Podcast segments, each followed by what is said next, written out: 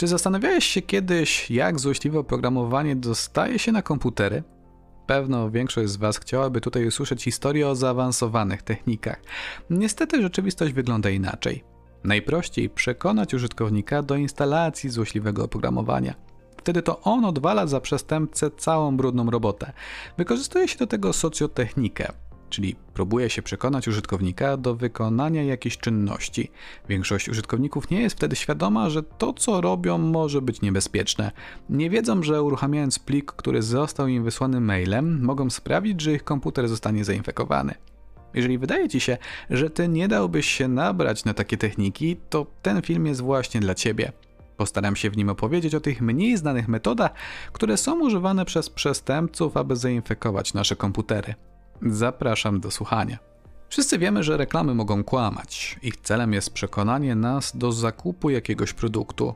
Większość z nas na co dzień korzysta z wyszukiwarek. Nie wiesz, jak kupiec chleb, szukasz w wyszukiwarce przepisu, ale wynikami wyszukiwania można w pewien sposób manipulować. Wyszukiwarki to nie są organizacje charytatywne, muszą jakoś zarabiać. Spora część z nich zarabia przy pomocy reklam.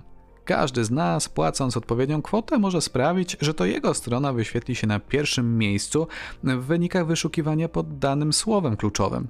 A to można wykorzystać, aby przekonać użytkownika do instalacji złośliwego programu. Jak? Wyobraź sobie, że właśnie wróciłeś ze sklepu ze swoim nowiutkim laptopem. Chcesz na nim zainstalować swoją ulubioną przeglądarkę. Wchodzisz więc w wyszukiwarkę i szukasz swojego ulubionego programu. Jesteś przekonany, że pierwsza pozycja w wynikach wyszukiwania, które znajduje się na samej górze, należy do producenta tego oprogramowania. Wchodzisz więc na tą stronę, ściągasz program, uruchamiasz, no i właśnie zostałeś zainfekowany. Jak to możliwe? Przestępcy wykupili reklamy pod to słowo, którego użyłeś, aby znaleźć swój ulubiony program. Wtedy ten pierwszy wynik, który wyświetlił ci się w wyszukiwarce, nie należał wcale do producenta programu, ale prowadził do strony przestępców. Takie reklamy są oznaczone. Może to być malutka ikonka czy napis informujący użytkownika, że ktoś zapłacił za to, że jego strona wyświetla się tak wysoko. Ale wydaje mi się, że spora część zwyczajnych użytkowników nie do końca zdaje sobie z tego sprawę.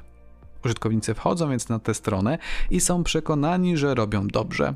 Dodatkowo te strony mogą wyglądać identycznie jak te oryginalne. Zastanów się, czy sam znasz adres, z którego można pobrać Google Chrome?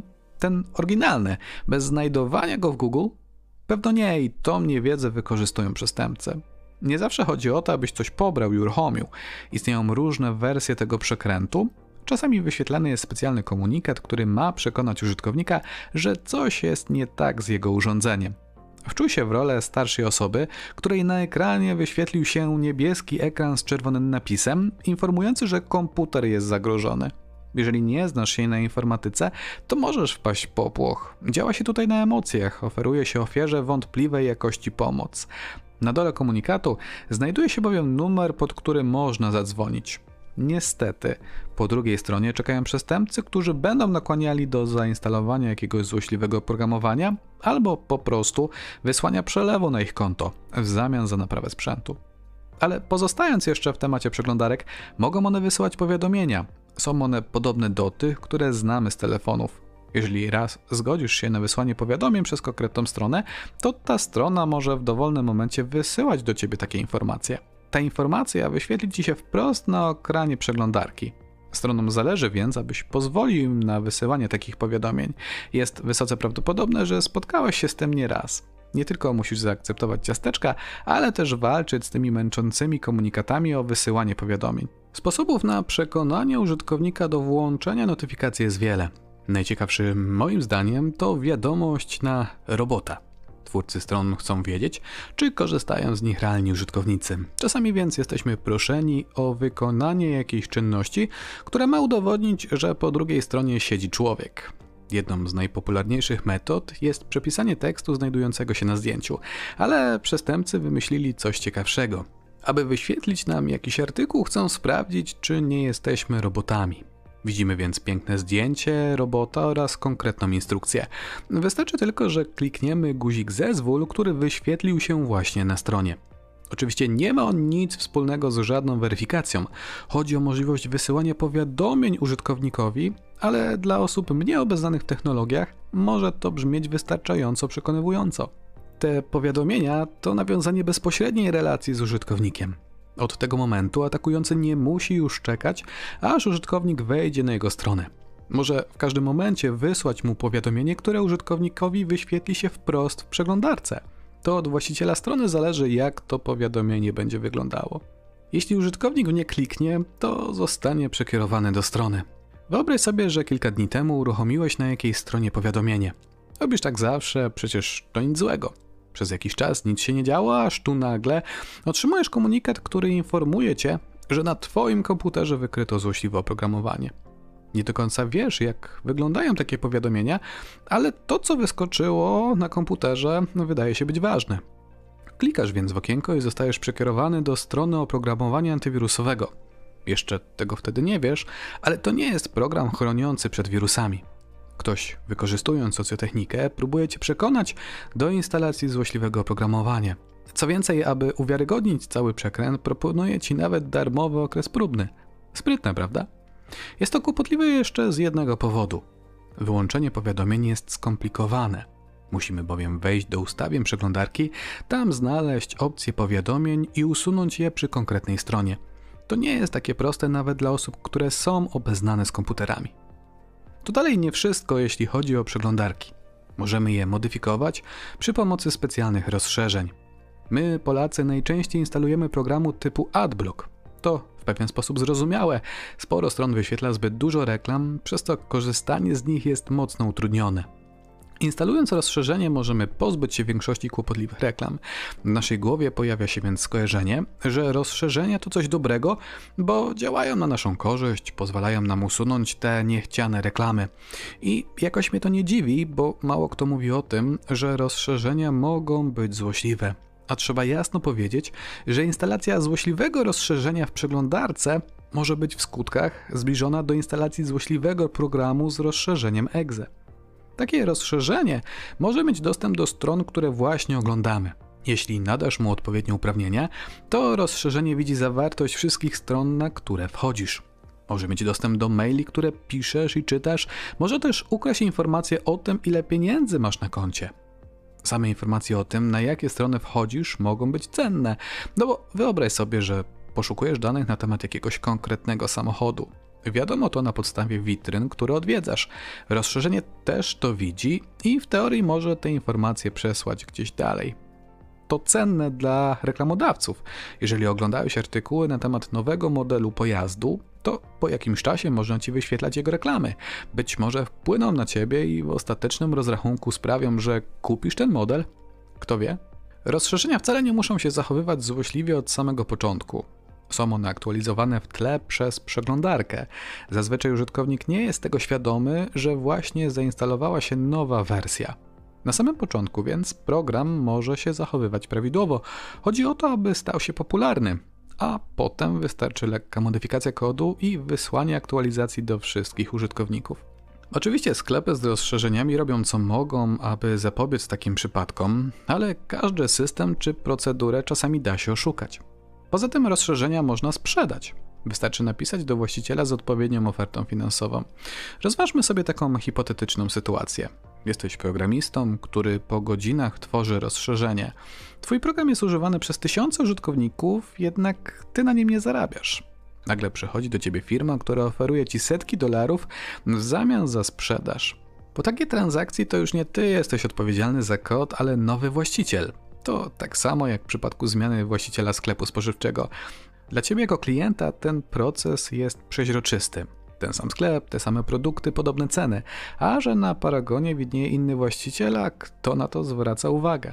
Jeżeli program odkupuje legalna firma, to w teorii nic złego się nie dzieje, ale przecież mogą to być osoby o złych zamiarach. I co wtedy? Logują się normalnie na konto, bo dostają hasła, przecież za nie zapłacili. Wykrycie takich modyfikacji nie jest wcale proste. Samo znajdowanie rozszerzeń to też nie jest taka prosta sprawa, bo jak na pierwszy rzut oka zweryfikować, czy ten program jest dobry, a może jednak zły?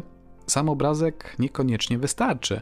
Z podobną sytuacją mamy do czynienia w przypadku aplikacji na Androida. Zobacz przykładowe aplikacje na tym obrazku.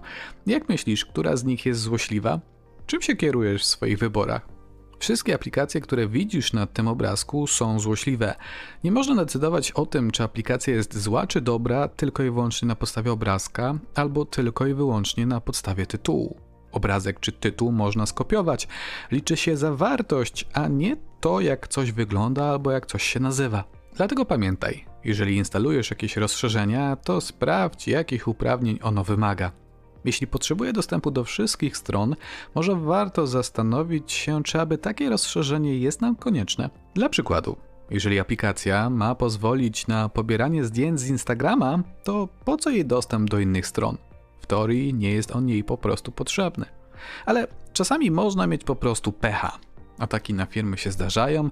W dzisiejszych czasach nie jest to nic nadzwyczajnego. Atakujący mogą mieć różne cele, kiedy włamują się do firmy. Czasami mogą chcieć wykraść jakieś tajne dane, albo też je zaszyfrować i zmusić firmę do zapłaty okupu. Ale czasami mogą chcieć zostać w tej firmie na dłużej, pozostając niewykrytym. Po co? Już tłumaczę. Gdy ściągamy jakąś aplikację, to ufamy jej autorom, że robi ona to, do czego została stworzona i nie wyrządzi nam krzywdy. Nie mamy technicznych zdolności, aby to zweryfikować. Opieramy się więc na zaufaniu. Pobieramy program z legalnych stron, płacimy za nie pieniądze, ufamy, że wszystko jest w porządku. Firmie, która zarabia na swoich produktach, również zależy na swojej reputacji. Dobre imię buduje się latami, a stracić je można w jeden dzień. I to wykorzystują atakujący, którzy zdobywają dostęp do infrastruktury takiej firmy. Mogą wtedy, dla przykładu, opublikować na jej stronach zmienione oprogramowanie, które działa nie do końca tak, jak się tego spodziewamy. Brzmi jak scenariusz filmu science fiction, ale takie sytuacje miały miejsce i niestety mają coraz częściej. C-Cleaner to popularne narzędzie do oczyszczania komputera z niepotrzebnych plików.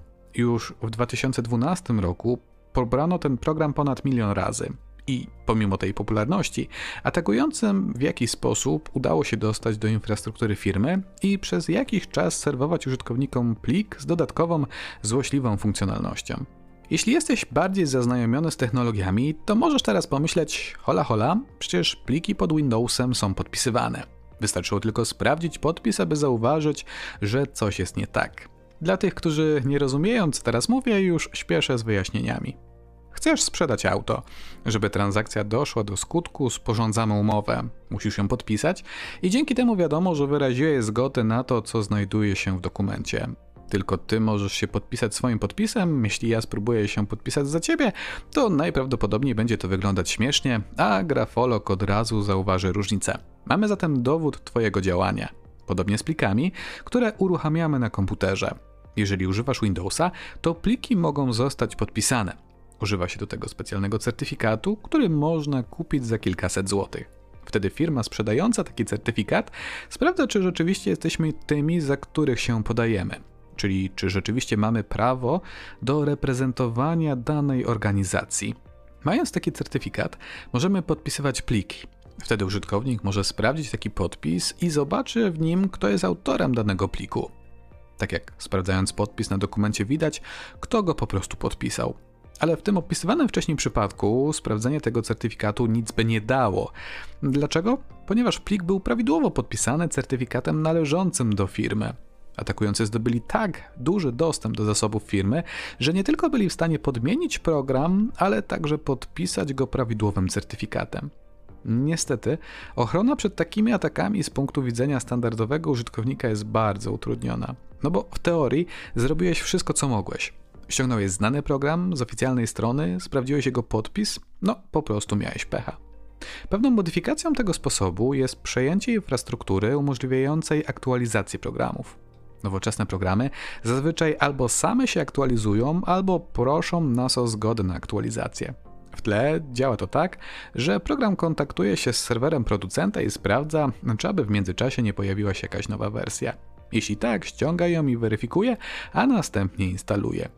I ponownie, jeśli mamy pH i ta infrastruktura zostanie przejęta, to bardzo ciężko jest się przed tym obronić. Wyobraź sobie taką sytuację. Uruchamiasz aplikację, która pozwala na wykonywanie transakcji kryptowalutami. Nagle widzisz taki komunikat jak na zdjęciu. Program informuje cię właśnie, że znaleziono poważny błąd i twoje pieniądze są zagrożone. Wystarczy tylko zaktualizować program, aby być bezpiecznym. Całość jest szybka i prosta. Wystarczy kliknąć w link poniżej i zainstalować aktualizację. W tym realnym ataku dziesiątki osób straciło swoje pieniądze. Tutaj atakujący posiadali tylko dostęp do serwera, który był odpowiedzialny za wyświetlanie takich komunikatów. Nic samo się nie aktualizowało, ale i tak wiele osób dało się nabrać i pobrało złośliwy plik. Sytuacja z programami jest jeszcze bardziej skomplikowana. W dzisiejszych czasach nikt nie tworzy oprogramowania od zera. Używa się różnych gotowych komponentów i łączy się je razem w jedną całość. To tak samo jak w fabryce samochodów. Żadna firma nie tworzy sama wszystkich elementów. Kupuje niektóre podzespoły od innych. Z jednego miejsca bierze opony, z innego silnik czy zawieszenie. Podobnie na rynku informatycznym. To prowadzi do nietypowych sytuacji. Czasami okazuje się, że kawałek kodu stworzony przez jedną osobę jest używany w setkach innych projektów, a te są znowu używane w kolejnych dziesiątkach innych projektów i ta kula śnieżna się powiększa i nagle może dojść do sytuacji, że coś, co stworzył jeden człowiek, jest wykorzystywane praktycznie na każdym kroku. A to jest niebezpieczne. Dlaczego? Jeśli ten jeden człowiek zmieni jakiś fragment w swojej bibliotece, to automatycznie po jakimś czasie ten fragment zostanie zmieniony w wielu innych miejscach, które korzystają z tego samego kodu. A to z punktu widzenia przestępców jest świetne. Atakując jedną osobę, mogą zdobyć potencjalnie dostęp do dziesiątek różnych miejsc. I to znowu nie jest tylko hipotetyczne rozważanie. Taka sytuacja miała miejsce w przypadku biblioteki UA-Parser. Tutaj udało się włamać na konto programisty. Ten szybko się zorientował, że coś jest nie tak, ale mleko już się rozlało.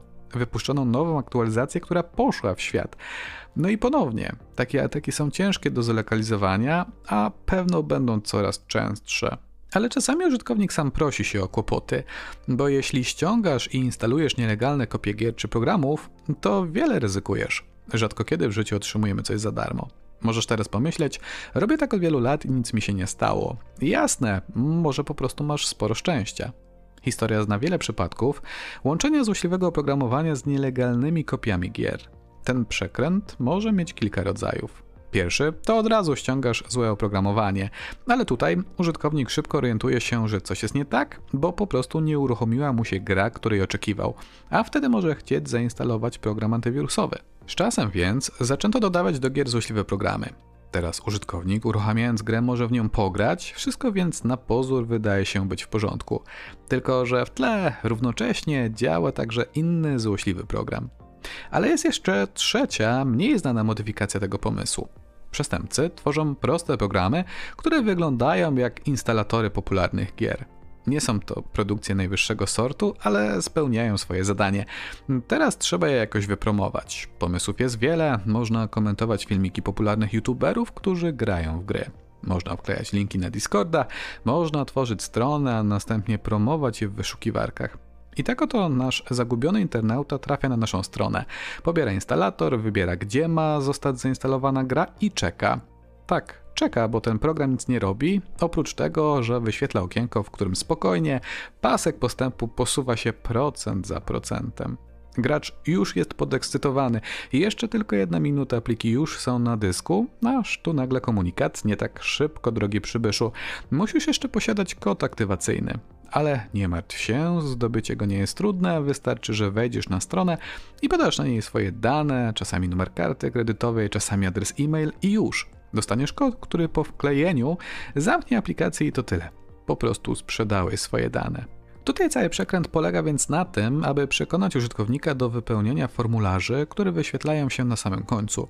Co ciekawe, ten instalator sam w sobie nie jest jakoś strasznie złośliwy. To tylko wydmuszka, proste okno, które wyświetla kilka obrazków, napisów i pasek postępu. Dlaczego marnowana jest taka szansa? Hm, trudno powiedzieć. Przypuszczam jednak, że chodzi o przechytrzenie firm antywirusowych. Taki program na pierwszy rzut oka dla początkującego analityka może wyglądać jak coś dobrego. Nie usuwa przecież plików, nie szyfruje ich, czy też nie ściąga jakiejś zależności. Dopiero dokładniejsza analiza pokazuje, że coś w tym instalatorze jest nie do końca w porządku. Pora na bardziej popularną metodę załączniki w e-mailu. Czyli otrzymujemy wiadomość, otwieramy załącznik i już? No, ale to nie jest takie proste. Po pierwsze, w obecnych czasach praktycznie żadna szanująca się poczta internetowa nie pozwoli nam na przesłanie pliku z rozszerzeniem exe. Wszyscy wiedzą, że te pliki mogą być niebezpieczne i lepiej ich nie przesyłać. No ale i na to znaleziono rozwiązanie. Pliki można pakować, czyli używa się specjalnych programów, które wykorzystując algorytmy są w stanie zmniejszyć rozmiar pliku. Dodatkowo tak zmniejszony plik można jeszcze zaszyfrować. Taki plik można otworzyć tylko wtedy, kiedy zna się prawidłowe hasło. I tak nastała era zaszyfrowanych plików z rozszerzeniem .zip. Możesz teraz pomyśleć, co z tego? Przecież, aby je otworzyć, trzeba posiadać specjalne oprogramowanie. Wysyłanie takich plików do użytkowników nie ma więc sensu, bo przecież i tak ich nie otworzą. No, i tak i nie, bo Windows posiada wbudowaną obsługę plików zipa. Jeżeli więc klikniesz na taki załącznik dwa razy, otworzy się on, tak jakbyś po prostu wszedł do jakiegoś folderu. Dodatkowo zostaniesz poproszony o hasło. Pozostaje więc tylko stworzyć takiego maila, który po pierwsze przekona użytkownika, żeby otworzył załącznik, a dodatkowo, żeby podał hasło, które znajduje się w treści wiadomości to znacząco utrudnia zadanie programów antywirusowych. No bo teraz nie można sprawdzić, czy plik jest złośliwy, bo jest zaszyfrowany. Bez hasła nie wiemy, co jest w środku. Może coś złego, a może coś dobrego. Teoretycznie można jako hasło próbować wszystkich wyrazów, które występują w mailu, ale przecież nie zawsze mamy dostęp do tego maila. Poza tym hasło można zapisać w jakiejś innej formie, chociażby coś w stylu hasłem do tego pliku jest suma liczb 12 i 65 ale z czasem i takie pliki zablokowano po stronie niektórych usługodawców poczty. Treść pliku jest zaszyfrowana, ale jego nazwa już nie. Część korporacji stwierdziła więc, że nie pozwoli na wysyłanie archiwów, jeżeli w środku znajduje się plik z rozszerzeniem exe. Nie wiedzą, co jest w tym pliku, ale wiedzą, że ten plik tam jest i wolą dmuchać na zimne. Co zrobili przestępcy? Zmienili rozszerzenie bo praktycznie w każdym języku programowania można stworzyć program, który zrobi coś złego.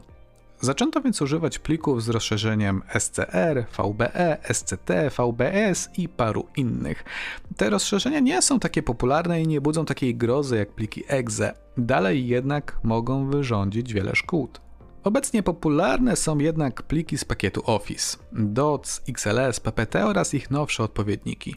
Po pierwsze, pakiet zazwyczaj jest zainstalowany na sporej liczbie komputerów służbowych. Po drugie, możliwość programów, podobnie jak przeglądarek, można rozszerzać. Służy do tego specjalny język programowania i w dokumentach Worda czy Excela można zapisać taki program. Zostanie on uruchomiony, gdy otworzymy pliki i wyrazimy na to zgodę. Dzięki temu mogą się w nim załadować jakieś dane z internetu, czy wykonać jakieś inne skomplikowane operacje. Microsoft przewidział jednak, że pliki te mogą być wykorzystywane do złych celów. Aby użytkownik mógł z nich skorzystać, to musi na to wyrazić zgodę. To znaczy musi kliknąć w specjalny przycisk. Oczywiście widnieje tam ostrzeżenie, ale umówmy się, nie działo ono tak, jak przewidywali eksperci. Zwłaszcza, że twórcy złośliwego oprogramowania stosują różne metody, aby przekonać użytkownika do kliknięcia w ten guzik. Mój ulubiony to zamazany obrazek. Otwierasz plik i pierwsze co widzisz to dokument, ale taki nieco rozmazany. Powyżej informacja, że jeśli coś jest nie tak z plikiem, to znaczy, że musisz zaktualizować Worda. Nic się nie martw, nie jest to skomplikowana procedura, wystarczy, że klikniesz w ten guzik powyżej. Oczywiście jest to manipulacja. Ten guzik wyżej nie aktualizuje oprogramowania, tylko uruchamia złośliwy kod, który znajduje się w tym pliku, ale użytkownik może tego po prostu nie wiedzieć. Co więcej, po kliknięciu przycisku ten zamazany obrazek jest podmieniany na taki nierozmazany. A to tylko dowód dla Kowalskiego, że to co zrobił dało efekt, bo kliknął w przycisk i nagle plik wygląda bardzo dobrze. Sprytne, prawda? Inna metoda to przekręt na pomoc techniczną. Czasami możesz po prostu dostać telefon od banku albo od kogoś, kto podszywa się pod tą instytucję. Musisz bowiem pamiętać, że pod numer telefonu czy pod numer SMS można się podszyć. Czyli gdy sprawdzisz numer, z którego ktoś dzwoni na stronie banku, to zapewne go tam po prostu znajdziesz. Ale w rzeczywistości może dzwonić ktoś inny i tylko podszywać się pod ten numer. Dlatego najlepiej w takich sytuacjach zawsze się rozłączyć i samemu oddzwonić na numer infolinii banku. No ale co w sytuacji, kiedy jednak ktoś da się nabrać na takie oszustwo? Tutaj możliwości jest wiele. Dla przykładu, może usłyszeć, że jest problem z jego kredytem hipotecznym. Ale proszę się nie martwić, pracownik dzwoni, aby pomóc. Wystarczy tylko na komputerze zainstalować specjalny program. I już wtedy powinna ci się zapalić lampka ostrzegawcza. O co chodzi? Wyobraź sobie, że gdzieś daleko mieszka twoja babcia i ma problem z komputerem. Normalnie musiałbyś do niej podjechać, poklikać myszką, ale jesteś leniwy i chcesz to zrobić zdalnie z poziomu swojego fotela. Wystarczy, że babcia uruchomi program do zdalnego pulpitu, podyktuje ci swój identyfikator, a następnie zezwoli na dostęp do komputera. Wtedy możesz wykonywać czynności na jej sprzęcie dokładnie tak samo, jakbyś był u babci w domu.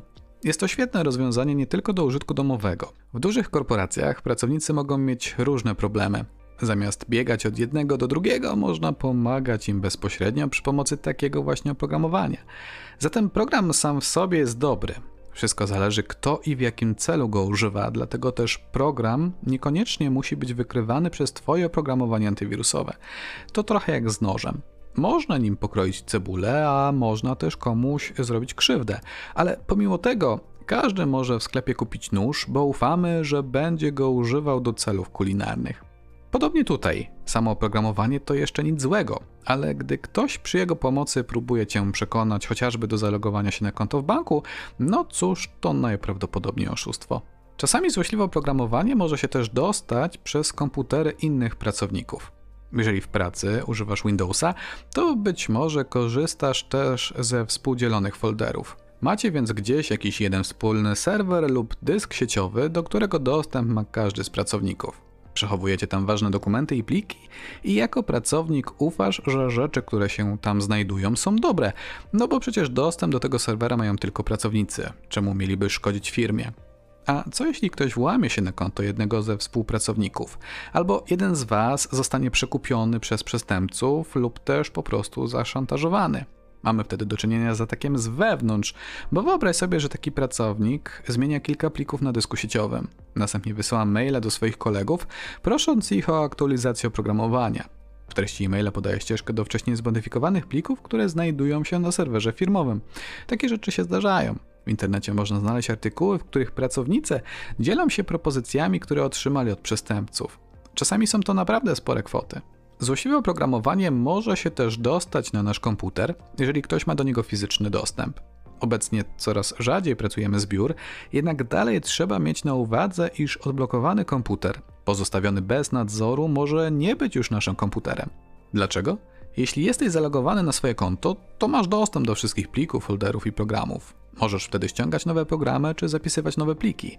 Jeśli więc uruchomisz coś, co jest złe, to to się po prostu uruchomi. Jeśli ty możesz coś uruchomić, to tak samo może to zrobić osoba, która jest przy twoim odblokowanym komputerze. Możesz pomyśleć, że nie odchodzisz na tak długo. Problem w tym, że żaden szanujący się atakujący nie będzie tych komend wpisywał ręcznie przy pomocy klawiatury. Po co się męczyć? Taki sposób jest wolny, podatny na błędy i wzbudza podejrzenia. Istnieją o wiele lepsze metody. Do komputera można podpiąć urządzenie, które wygląda jak pendrive, ale działa jak klawiatura i to taka bardzo szybka klawiatura. Wpinasz więc taki malutki brelok do portu USB w komputerze, a on w ciągu paru sekund wysyła do komputera informacje o wciśniętych klawiszach. W ten sposób uruchamiają się wcześniej zaprogramowane zadania. Kilka sekund później jest już po wszystkim, atakujący wypina urządzenie z portu USB i oddala się w sobie tylko znanym kierunku. Dlatego tak ważne jest, aby za każdym razem blokować ekran komputera zwłaszcza jeśli pracujemy z miejsca, do którego dostęp ma więcej osób. Jeżeli mieszkasz sam w mieszkaniu, to raczej nikt w międzyczasie nie podkradnie się do Twojego komputera, ale należy zachować czujność. Istnieje jeszcze inny sposób. Można wysłać pracownikom firmy prezent, niespodziankę. Pewno nikt nie podłączy niepodpisanego pendrive'a do komputera, ale świecąca kula plazmowa to już coś innego. W rzeczywistości ta kula może działać dokładnie tak samo jak wcześniej opisywane urządzenie. Więcej o takich narzędziach opowiadam w materiale Narzędzia używane podczas red teamingu. Pozostaje jeszcze kwestia exploit kitów. Oprogramowania posiadają błędy. Jedne są mało istotne, a inne pozwalają na zainfekowanie komputera. W tym materiale interesują nas błędy głównie powiązane z przeglądarkami. W odpowiednich warunkach, jeżeli nie zaktualizujemy przeglądarki, może dojść do sytuacji, gdzie wystarczy samo wejście na jakąś złośliwą stronę, aby zainfekować nasz komputer. Wykorzystuje się do tego zestawy błędów, które połączone razem ze sobą pozwalają uzyskać taki efekt. Istnieją, no, nazwijmy to firmy, które specjalizują się w łączeniu tych błędów w jedną aplikację i sprzedaży takiego pakietu zainteresowanym. Za odpowiednią kwotą można otrzymać specjalny panel, który pozwala na generowanie odpowiednich plików i adresów, którymi możemy infekować użytkowników. Dawniej takie exploit kity były bardziej popularne, dzisiaj już nieco tracą na znaczeniu. Dużo prościej i zapewne dużo taniej jest po prostu używać ataków socjotechnicznych. Tak skomplikowane błędy są drogie. Istnieją na te dwa rozwiązania: kupić taki błąd na czarnym rynku i próbować zaatakować jak największą ilość użytkowników w jak najkrótszym czasie, licząc, że zakup się po prostu zwróci. Druga opcja to wykorzystanie nieco starszych błędów, które już zostały załatane przez producentów. W takim wypadku nie trzeba niczego kupować. Czasami na podstawie samych poprawek można stwierdzić, co było nie tak. Wtedy taki kod nie zadziała we wszystkich przypadkach, bo niektórzy zdążyli już zaktualizować przeglądarki do nowszych wersji. Ale to rozwiązanie jest zapewne dużo tańsze. Dlatego, jeśli w internecie pojawiają się informacje, że pewne błędy są już wykorzystywane przez przestępców, to trzeba to naprawdę traktować z powagą. I to tyle na dziś. O czymś zapomniałem, coś pominąłem? Daj znać w komentarzu. Jeżeli interesujesz się bezpieczeństwem, to zapraszam Cię na moją stronę, którą znajdziesz pod adresem szurek.top. Znajdziesz tam różne materiały powiązane z security. Warto też dopisać się do mojego newslettera. Znajdziesz go pod adresem szurek.tv/n. Tworzenie tych materiałów zajmuje bardzo wiele czasu. Jeżeli odcinek Ci się spodobał, rozważ pozostawienie subskrypcji. Będzie mi również miło, jeśli polecisz ten odcinek znajomym. Do zobaczenia następnym razem. Trzymajcie się. Cześć.